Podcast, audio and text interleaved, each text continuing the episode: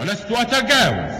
إذا قلت أن التاريخ العسكري سوف يتوقف طويلا بالفحص والدرس أمام عملية يوم السادس من أكتوبر سنة 73 حين تمكنت القوات المسلحة المصرية من اقتحام مانع قناة السويس الصعب واجتياح واجتياح خط برليف المنيع وإقامة رؤوس جسور لها على الضفة الشرقية من القناة بعد أن أفقدت العدو توازنه كما قلت في ست ساعات.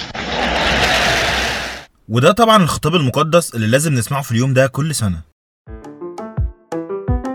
يا صباح الانتصارات.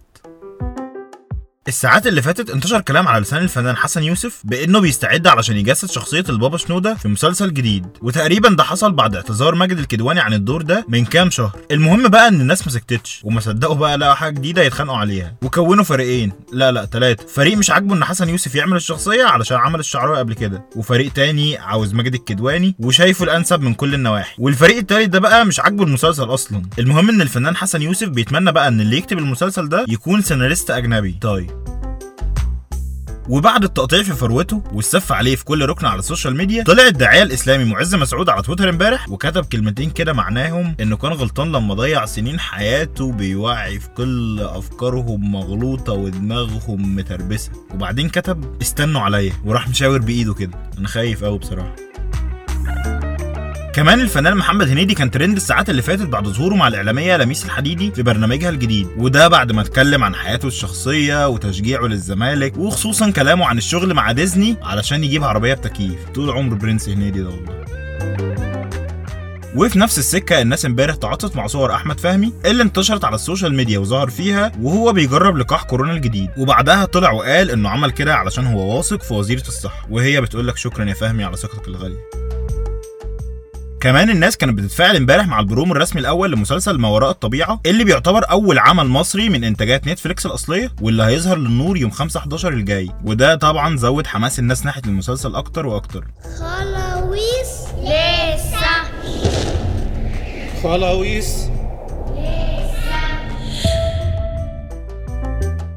وإحنا دلوقتي في ملاعب الساحرة المستديرة والبداية من عند نادي الزمالك اللي عمل ماتش كبير قدام سموحة امبارح وقدر يخلصوا بالفوز 2-1 علشان يتأهل للدور الربع النهائي من كاس مصر. وده طبعا كان عامل فرحة كبيرة بقى وسط جماهير الأبيض وزود أملهم وثقتهم بباتشيكو. وفي نفس السكة وزارة الداخلية حذرت من أي تجمعات قدام نادي الزمالك في 100 عقبة لدعم مرتضى منصور ضد قرارات اللجنة الأولمبية.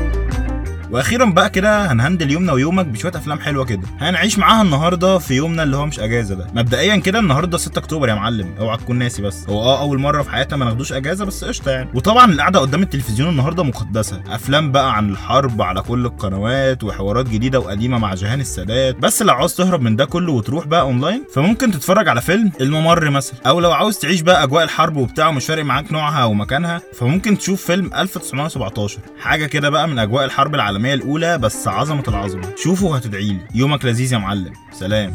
املأوا الأرض والفضاء بتراتيل السلام. املأوا الصدور والقلوب بآمال السلام.